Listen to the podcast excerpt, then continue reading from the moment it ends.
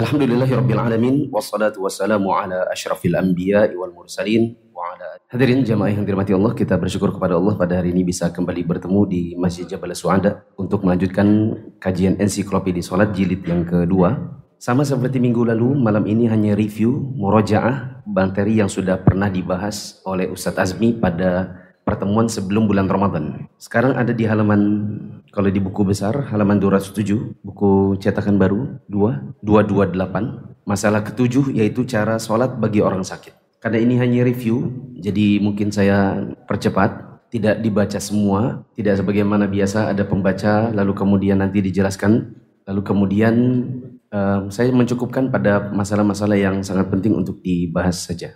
Berapa? Dua, dua, tiga. Saya mulai.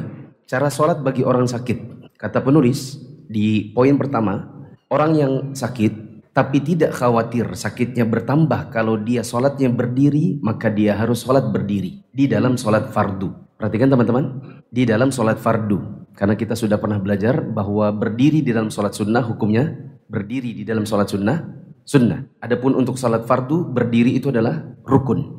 Maka di dalam sholat fardu meskipun sakit kalau memang masih bisa berdiri dan berdiri itu tidak memperparah sakit, maka wajib berdiri. Coba contohkan apa saja? Sakit-sakit yang tidak ada masalah kalau dia berdiri. Sakit gigi ya kan? Kau sakit gigi? Sholatnya tidur. Ya soalnya saya sakit gigi. Ini tidak bisa dikarenakan masih bisa berdiri. Dan berdiri tidak ada efeknya sama sakit gigi. Diare. Eh, patah tulang tapi yang patah itu tangannya bukan kakinya. Apalagi sakit mah demam yang ringan. Pusing sedikit. Maka ini semua tetap wajib berdiri Adapun sakit yang kalau dia berdiri nanti bisa bertambah parah, maka dia tidak mengapa kalau dia tidak berdiri. Nanti ada uh, keringanannya. Contohnya apa? Orang patah tulang di bagian kaki. Vertigo. Saya pernah dengar orang vertigo itu kalau sudah goyang dia berdiri bisa ambruk. Maka tidak mengapa kalau dia tidak berdiri nanti dia bisa ambil keringanan. Kenapa kita harus berdiri meskipun sakit? Selama sakit itu tidak mengapa kalau sholatnya berdiri karena firman Allah wa qanitin ada di surat Al-Baqarah ayat 238. Di poin yang kedua, kata penulis, jika orang yang sakit masih mampu berdiri tapi tidak mampu berdiri tegak hanya bisa bersandar pada tongkat, dinding atau bertopang pada orang di sebelahnya, maka dia harus berdiri meskipun demikian. Contoh orang ini, ini kebetulan saya bawa boneka ya, ini saya bawa pasukan, ya sengaja memang buat bahan peraga ini orang tidak sanggup untuk berdiri sendiri karena dia agak goyang-goyang gitu ya. Kenapa ya kira-kira? Sakit apa ini kira-kira? Vertigo. Oh, kalau vertigo ini udah melayang betulan ini. Bersandar pun tak bisa dia. Oke, cedera sedikit di kakinya.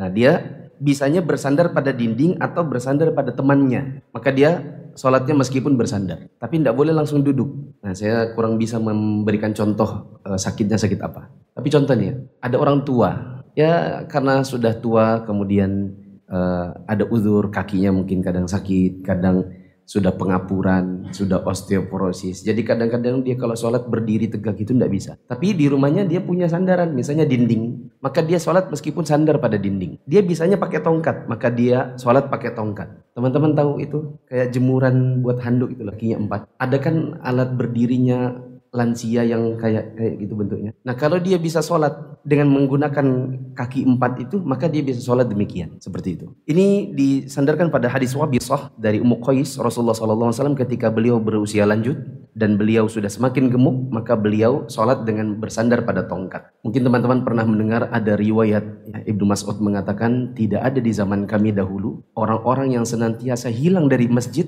kecuali orang-orang yang sudah diketahui dengan jelas kemunafikannya. Karena di antara kami sampai-sampai saking inginnya pergi masjid, dia untuk datang ke masjid itu sholat dengan dipapah oleh teman-temannya dan sholat itu diapit oleh dua orang di kanan dan kirinya supaya dia bisa berdiri tegak.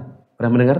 Ini menunjukkan bahwa di zaman dahulu para sahabat meskipun ketika mereka ada sakit tapi sakitnya bisa bersandar pada dua orang maka dia dipapah dengan diapit. Jadi tidak bisa langsung duduk tapi bersandar dulu. Berarti kita perlu koreksi juga ketika ada orang berkata kalau tidak bisa berdiri duduk. Itu belum belum sempurna penjelasannya. Yang benar kalau tidak bisa berdiri tegak maka bersandar. Entah bersandar pada tongkat pada dinding pada orang. Nanti kalau tidak bisa baru duduk. Di poin ketiga jika orang yang sakit tidak mampu berdiri kecuali dengan cara terpaksa membungkuk sedikit maka dia bisa sholat meskipun agak membungkuk. Perhatikan, membungkuk ini berarti agak sedikit merunduk. Dan nanti supaya terbedakan antara ruku dengan sujud, Maka waktu dia membungkuk, bungkuk untuk ruku jangan terlalu rendah. Nanti bungkuk untuk isyarat sujud baru kemudian agak rendah. Yang keempat, orang yang sakit yang mampu berdiri tapi tidak mampu ruku dan sujud, tidak mampu untuk ruku dan sujud tapi masih mampu untuk berdiri, maka berdiri tidak gugur saya waktu kecil, saya pernah sakit mata. Waktu itu di Balikpapan banyak orang sakit mata. Kata mama, jangan keluar-keluar, nanti sakit mata. Ya namanya anak kecil, sudah memang jiwanya main, ya main. Akhirnya pulang-pulang, besoknya sakit mata.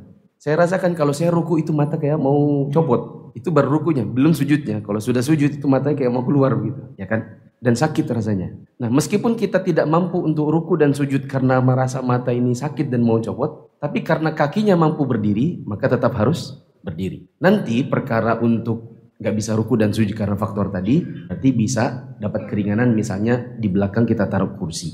Di belakang taruh kursi, kemudian berdiri. Waktu ruku agak merunduk sedikit. Waktu sujud kita duduk di kursi sambil eh, apa namanya ini merunduk. 2000 berapa ya? Saya lupa. 2015 apa 16. Saya masuk rumah sakit eh, operasi usus buntu. Tiga hari di rumah sakit. Keluar dari rumah sakit langsung ngisi di Masjid Namiro. Tapi karena di per perut ini baru ada belahannya, belum kering, juga tidak bisa kalau dibawa sujud. Maka saya cari maka saya cari kursi. Karena saya masih mampu berdiri, maka saya posisi berdiri. Tapi begitu, uh, begitu ruku, ruku tapi hanya tidak bisa sempurna, hanya sedikit merunduk. Waktu sujud, saya duduk di kursi. Jadi ini yang dimaksud di nomor 4. Bila pun sakit dan tidak bisa ruku dan sujud, tapi bisa berdiri, maka tetap harus berdiri. Untuk ruku dan sujud nanti bisa diganti dengan cara duduk di Misalnya duduk di kursi. Sampai sini dulu. Kita ringkas. Kalau masih bisa berdiri, wajib berdiri. Kalau tidak bisa berdiri tegak, boleh bersandar. Kalau tidak bisa bersandar, bisa agak sedikit merunduk atau membungkuk. Dan sekalipun tidak bisa ruku dan sujud, kalau memang kakinya masih bisa berdiri, maka wajib berdiri. Di sini ada pertanyaan? Tidak ada.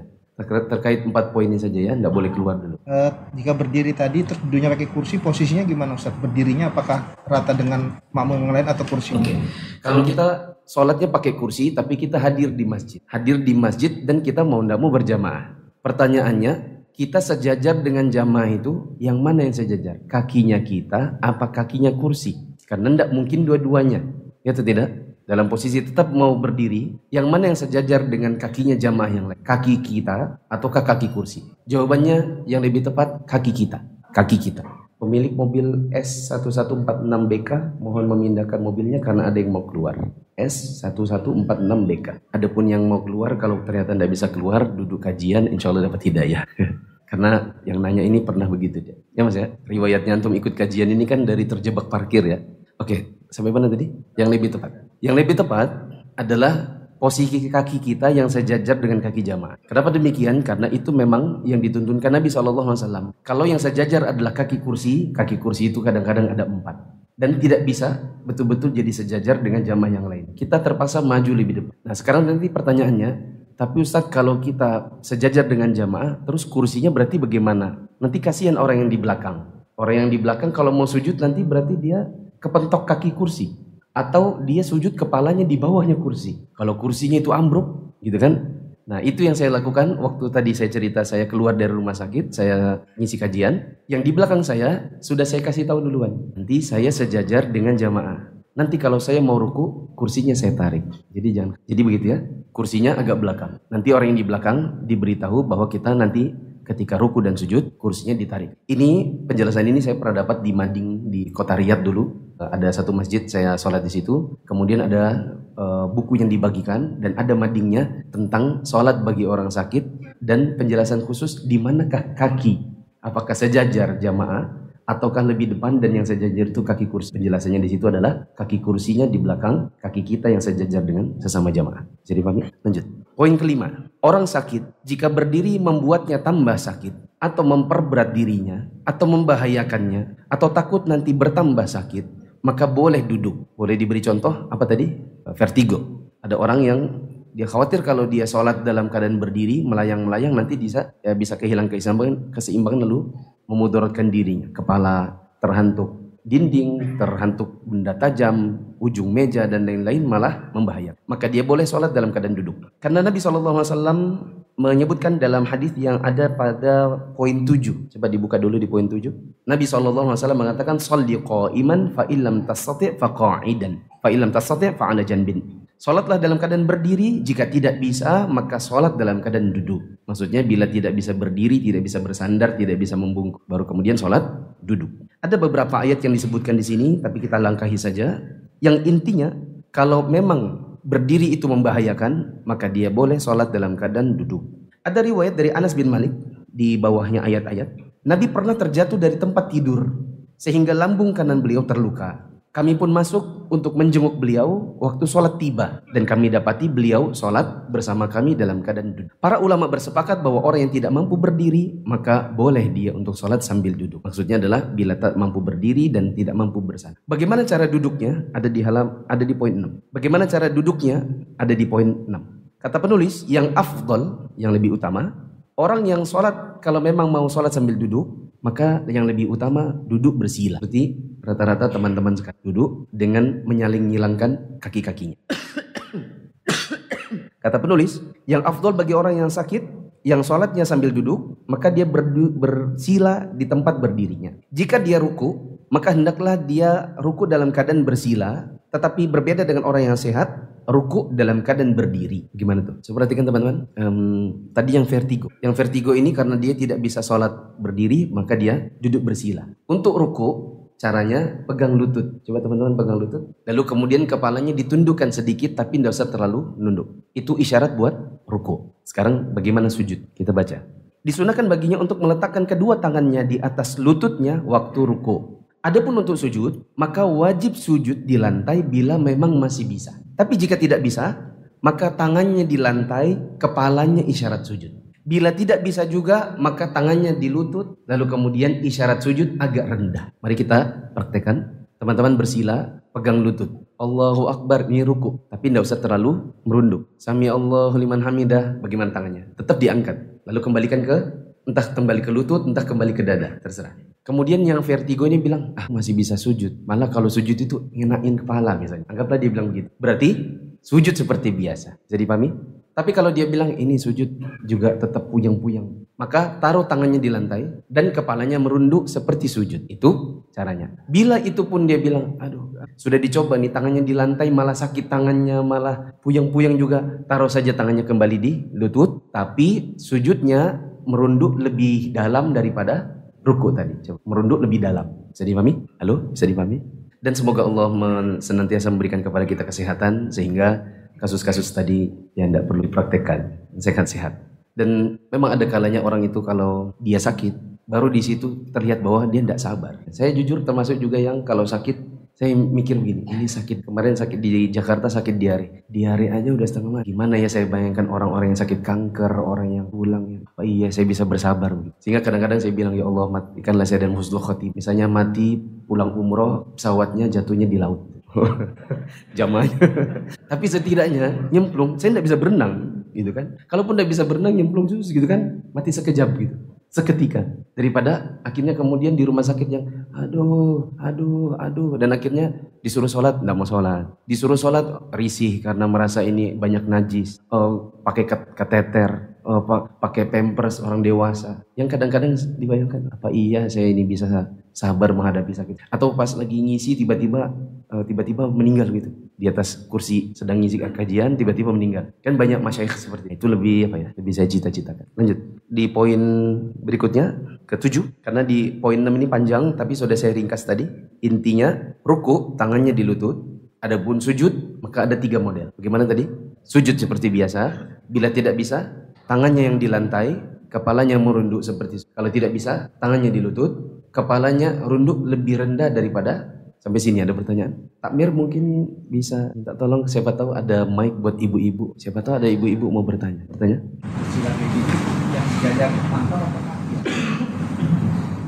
Oh.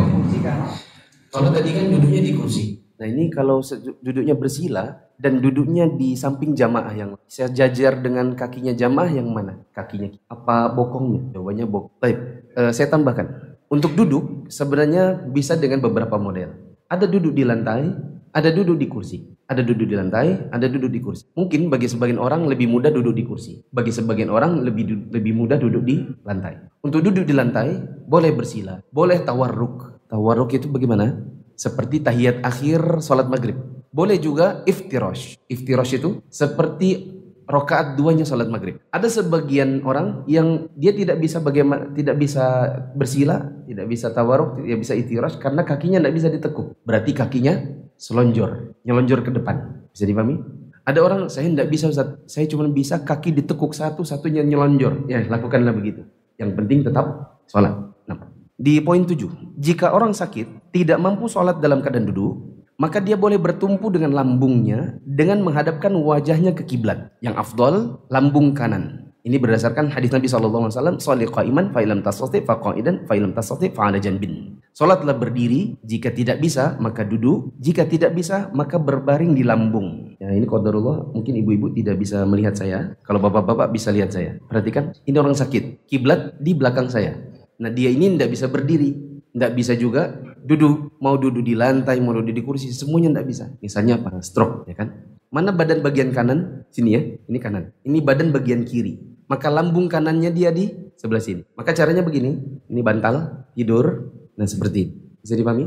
Badannya hadap kiblat. Ini badannya hadap mana? Hadap kiblat. Nanti tangannya bersedekap. Ini kan kepalanya tidak bisa nih kalau nggak dikasih bantal. Karena kalau nggak dikasih bantal, kepalanya neguk gini tuh. Maka dikasih bantal biar enak. Gini caranya. Nanti waktu ruku kepalanya agak tangannya gini. Allahu Akbar, Allahu Akbar. Kemudian kepalanya agak nunduk. Sami Allah liman hamidah. Tangannya ngangkat. Allahu Akbar. Nah ini kepalanya lebih nunduk lagi daripada bisa dipahami? Untuk salam semampunya. Assalamualaikum warahmatullahi sedikit. Assalamualaikum warahmatullahi Tadi dikatakan yang lebih afdol adalah lambung kanan. Tapi kalau dia tidak bisa lambung kanan, lambung itu namanya usus buntu itu lambung apa ya? Ya kanan. Saya cari dulu mana. Ya kanan ya. Karena dia tidak bisa lambung kanan, berarti dia lambung kiri. Berarti begini. Kiblat di belakang saya, seluruh badannya hadap ke kiblat, kepalanya boleh dikasih bantal dan dia berbaring di lambung bagian kiri. Nanti sama bersedekah. Baca Alhamdulillahirabbil Inna a'tayna kal kautsar fasalli inna wa kawala batar. Allahu akbar kepalanya agak runduk dikit. Buat isyarat sami Allah liman hamidah. Allahu Akbar, kepalanya lebih renduk lagi, isyarat sujud. Assalamualaikum warahmatullahi wabarakatuh. Kalau seandainya lambung kiri tidak bisa, lambung kanan tidak bisa, bagaimana? Maka dia terlentang, badannya hadap ke atas langit, kakinya yang di kiblat. Seperti ini berarti, kakinya yang di kiblat. Bagaimana kalau di rumah sakit yang di situ ranjangnya 6? Itu kelas apa tuh? Kelas 3. Kelas 3 ranjangnya 6 dia tanya sama suster, suster ini kiblatnya ke mana ya? Oh kiblatnya ke sana pak. Ternyata kiblatnya itu kalau dia seperti ini nah. Ternyata di belakang kepalanya dia. Lambung kanan tidak bisa, kan tidak bisa. Permisi dulu ya ranjangnya bisa tidak geser sana sedikit. Tolong ya saya mau sholat. Kamu coba ke sana sedikit, kan tidak bisa. Karena orang semuanya sakit. Karena semuanya sakit, akhirnya orang sholat dengan kemampuan masing-masing. Lambung kanan tidak bisa, karena memang posisi ranjang tidak begitu. Lambung kiri juga tidak bisa. Kiblat di belakang kepalanya. Maka dia boleh duduk dulu sebentar, putar badannya. Baru eh, berbaring lagi supaya kakinya di kiblat. Tapi kalau ini tidak bisa berbalik, ya sudah, sholatlah begitu. Daripada tidak, tidak sholat. Jadi tidak ada nanti orang beralasan, aku tidak bisa sholat. Kenapa pak? Bapak aku tidak sholat-sholat ini. Soalnya ini tidak ada kiblat. Ini orang-orang tidak ada yang mau dipindah semua ranjangnya. Ya tidak bisa pak, kita ini harus toleransi, kita semuanya sakit. Jadi bagaimana? Sholatlah begini. Karena ini uzur. Bisa dipahami? Ada orang bilang, saya tidak bisa sholat kecuali ter, apa ini namanya? Terlungkup, tengkurap. Ya sudah sholat tengkurap. Siapa tahu misalnya punggungnya kenapa ya kira-kira? Luka bakar, uh, patah tulang punggung. Perawat ngerti. Intinya tidak bisa, pokoknya dia itu tengkurap. Tidak bisa saya sholat ini, bagaimana saya sholat tengkurap? Ya sholatlah meskipun tengkurap. Bagaimana sedekapnya? Semampunya. Saya tidak bisa sedekap ini perut saja sudah besar begini baru saya. Ya sudah tangannya di sebelah di sebelah badan. Yang penting sholat. Anu muka saya ini bagaimana? Kasih bantal di dadanya. Uh, nah, banyak betul alasannya. Biar tidak mau sholat. Begitu. Di nomor 8, jika orang yang sakit tidak mampu sholat dengan berbaring di atas lambung, dia boleh terlentang, terlentang dan kaki yang hadap kiblat. Sudah lewat ya? Nomor 9. Jika orang yang sakit tidak mampu hadap kiblat dan tidak ada orang yang membantu menghadapkannya dirinya ke kiblat, maka silakan sholat dengan kondisi yang dia mampu. Contohnya tadi, kiblat itu ternyata di belakang kepalanya. Kalau dia mau disuruh duduk dulu baru diputar lagi, ini belum yang diputar infusnya lagi. Bagaimana itu putar infus? Infus sudah di sini. Nanti suruh berdiri lagi, berputar, berputar, setengah mati dia. Belum lagi tidak ada yang jaga. Semua suster sibuk. Masing-masing orang itu dibantu keluarganya. Akhirnya ya sudah, terpaksa kalau tidak ada yang membantu dia, dia sholat begitu. Dia sholat dalam keadaan meskipun yang di kiblat itu kepalanya dan kakinya yang di di sananya kiblat. Nomor 10, Orang yang sakit, yang tidak mampu sholat sambil terlentang, silakan sholat dengan apa yang dia bisa. Mau tengkurap kah?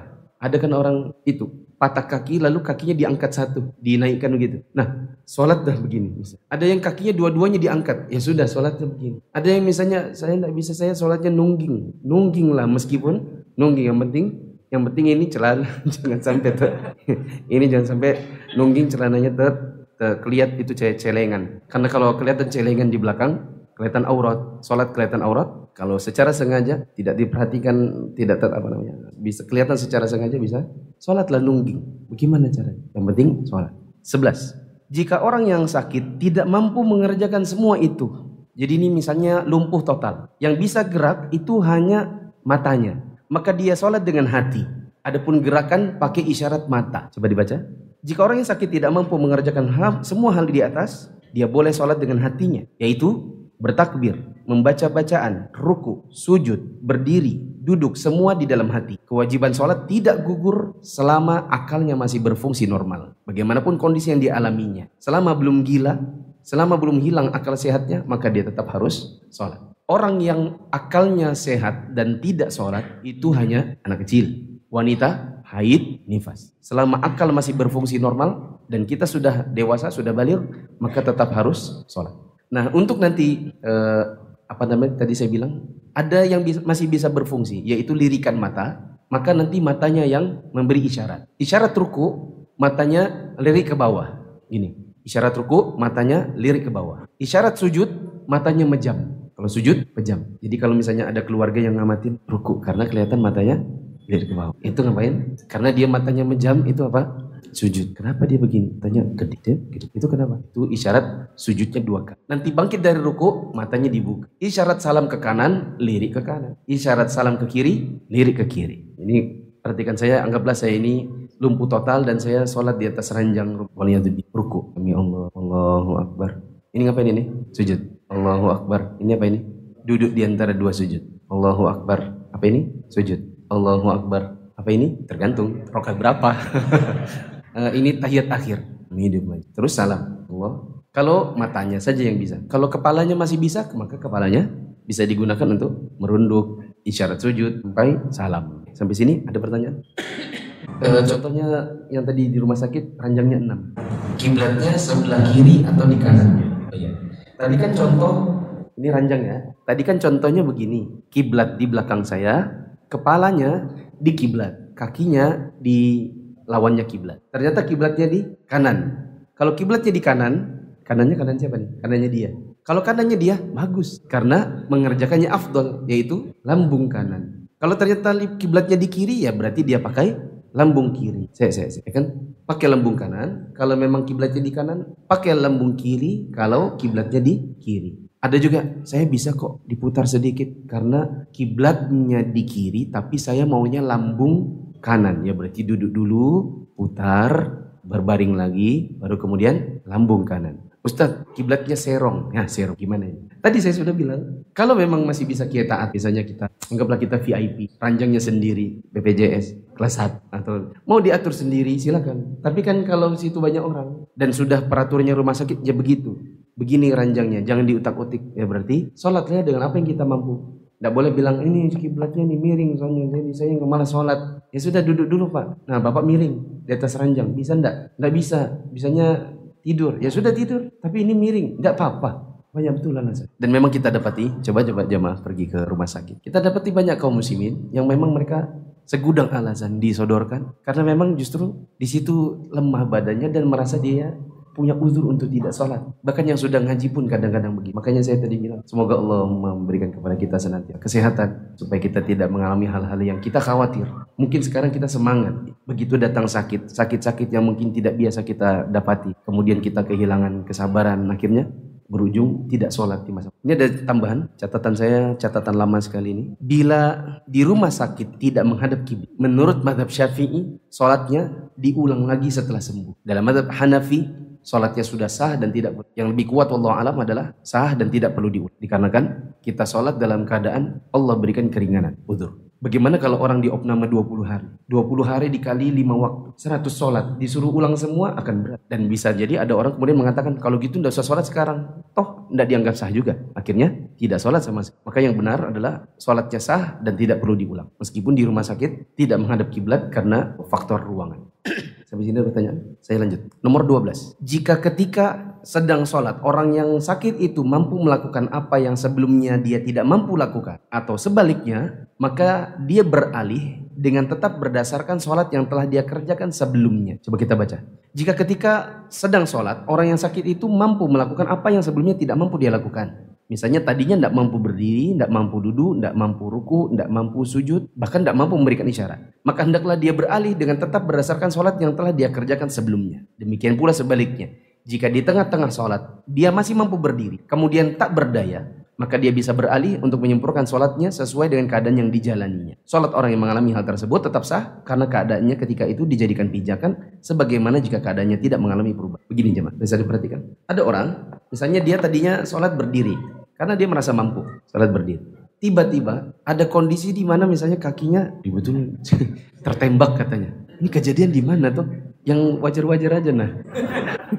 misalnya tiba-tiba kakinya itu kambuh ah gitu, kram ke apa, sakit. Tadinya berdiri, terus sekarang tidak mampu berdiri, maka dia bisa duduk lalu kemudian lanjutkan sholatnya. Jangan dibatalkan. Begitu juga sebaliknya, tadinya kram sehingga dia terpaksa sholatnya duduk. Kemudian setelah sekian menit rokat dua, masuk rokat tiga, dia rasa keramnya sudah hilang. Maka dia sudah harus kembali ber dan lanjutkan saja sholatnya dan tidak perlu diulang. Jadi mami, Tadinya bapak ini sholat di atas ranjang rumah sakit. Ini ranjangnya dia, dia sholatnya duduk. Karena dia merasa tadi habis minum obat, jadi pusingnya mulai hilang. Dia sholat duduk di atas ranjang. Rokaat tiga, mulai kelayangan.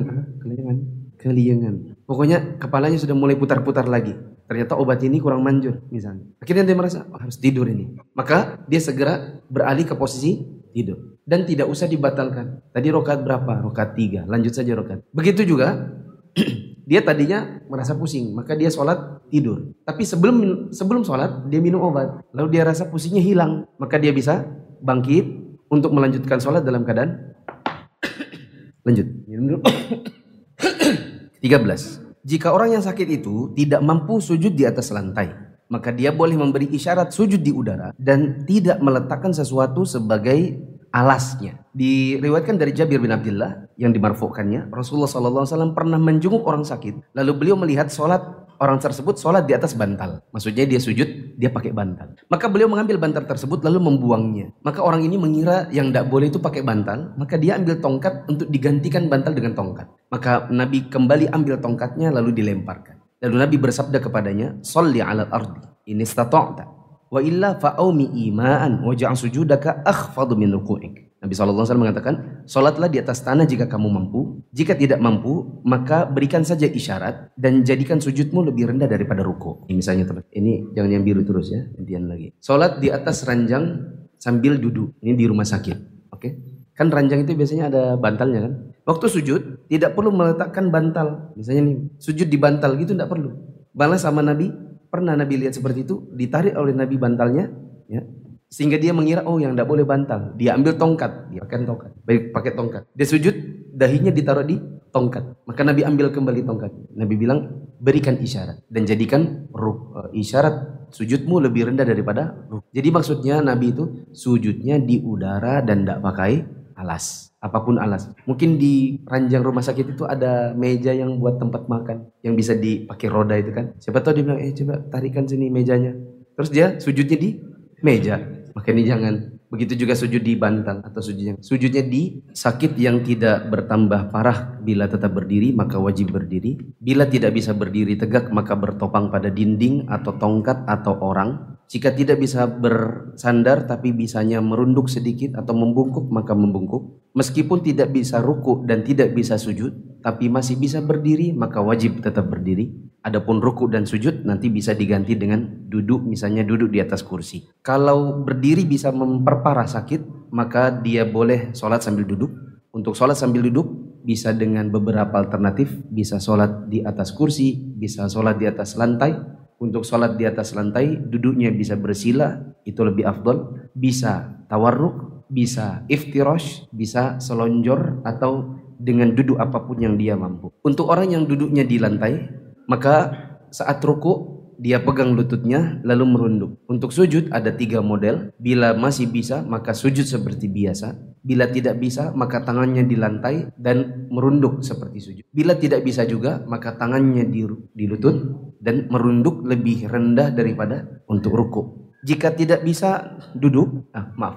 Kalau dia memang menggunakan alat bantu seperti kursi, maka kalau dia hadir di masjid, kakinya yang sejajar dengan jamaah yang lain, tapi dia beritahukan kepada orang di belakangnya bahwa jangan khawatir nanti waktu ruku dan sujud kursinya saya supaya uh, tidak membingungkan orang di belakang. Bila tidak bisa dalam keadaan duduk maka dia bisa berbaring. Yang lebih afdol berbaring dengan lambung kanan. Bila tidak bisa maka dengan lambung kiri. Bila tidak bisa maka terlentang di mana kaki yang di kiblat. Bila tidak bisa, berarti terlentang entah kepalanya yang di kiblat. Bila tidak bisa juga, maka terserah. Tidur yang seperti apa, yang penting tetap sholat. Kemudian bila semua itu tidak bisa dikerjakan, maka bisa dengan isyarat. Misalnya untuk orang yang lumpuh total, maka dengan isyarat. Isyarat ini bisa dengan isyarat kepala, atau kalau dia memang tidak bisa gerakan kepala, dia bisa isyarat dengan mata. Adapun gerakan-gerakan yang lain, semua diniatkan di dalam. Tidak boleh berdalih dengan dengan sakit, bila memang akal masih berfungsi. Yang bisa tidak sholat karena suatu uzur, maaf. Untuk orang yang memang masih bisa,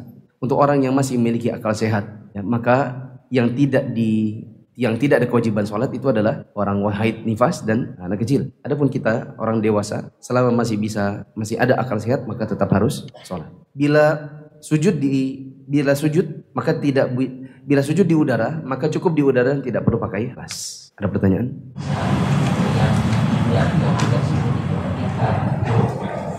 uh,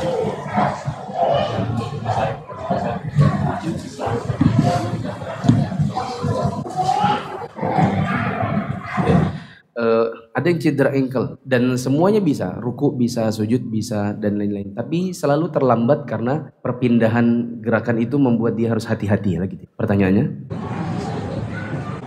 Ya, yang tidak diperkenankan adalah terlalu tertinggal dari imam secara sengaja karena menyibukkan diri dengan bacaan. Adapun kita tertinggal karena sakit, di mana kaki tidak bisa ditekuk cepat-cepat, harus pelan-pelan maka itu uzur. Tidak apa pertanyaan. Mayan masih ada tiga menit. Rebah tadi Ustaz, berarti untuk rukuk sama sujudnya pakai isyarat Ustaz? Ulang-ulang. Kalau tadi yang sholat yang lambung kanan. Sholat yang lambung kanan. Isyarat. Berarti untuk ruku dan sujudnya isyarat. Isyarat kepala ya. Kepala. Iya. Tapi tangannya kan masih bisa bergerak. Tangannya masih bisa gerak enggak? Kalau bisa tangannya bergerak, maka tangannya diangkat. Allahu Akbar. Untuk rukunya pegang. Untuk rukunya dia pegang biasanya nggak nyampe lututnya. Yang dia pegang biasanya paha saja. Ini pertanyaan bagus. Kalau dia sholatnya berbaring, nanti untuk ruku tangannya di mana? Nah kalau dia mau coba pegang apa nih lutut, biasanya nggak nyampe. Paling banter dia itu hanya pegang sampai paha. Dan itu uzur, nggak apa-apa. Eh, kalau dia masih bisa begini merungkuk, oh, kalau dia masih bisa begini berarti dia bisa duduk, ya kan? Kalau dia masih bisa tekuk-tekuk itu, mungkin dia bisa duduk. Kenapa dia tidak duduk? Nah biasanya yang sudah memang posisinya berbaring, itu yang memang sudah sulit kondisinya untuk terlalu banyak bergerak. Dia tadinya berbaring lalu kemudian disupport untuk bisa duduk. Boleh. Misal pakai ranjangnya rumah sakit kan itu ada ada tuasnya di lalu kemudian nanti lama-lama dia seperti duduk. Maka boleh. Apa dalilnya? Dalilnya yang tadi Ibnu Mas'ud bilang bahkan di antara kami ada yang demi pergi ke masjid dipapah oleh orang-orang dan supaya bisa berdiri tegak di dalam soft maka dia diapit. Artinya dia ditopang. Maka dia bisa bersandar dengan uh, ranjang rumah sakit yang memang masih bisa ditekuk. Apa? Koma. Belum sampai babnya kelajuan Pak Agung ya. Tapi tidak apa-apa. Siapa tahu meninggal kita. Entah saya entah Pak Agung duluan. Akhirnya tidak terjawab. Untuk orang koma berarti kan hilang kesadaran. Maka dia tidak wajib sholat. Kecuali sebagian ulama yang mengatakan koma atau pingsan kurang dari tiga hari maka semua sholatnya harus dikodok karena orang yang pingsan atau koma tiga hari ke bawah itu dikiaskan seperti tidur. Dan orang yang ketiduran wajib kodok sholat. Lebih dari tiga hari mereka menganggap itu seperti orang yang gila. Dan orang gila tidak wajib sholat. Maka koma seminggu, sebulan. Maka setelah dia sehat, yang dulu tertinggal tidak ada gantinya. Tidak perlu dikodok sama sekali. Subhanakallahumma wa bihamdika. Asyadu an la ilaha illa anta astaghfiruka wa atubu ilaik. Wassalamualaikum warahmatullahi wabarakatuh.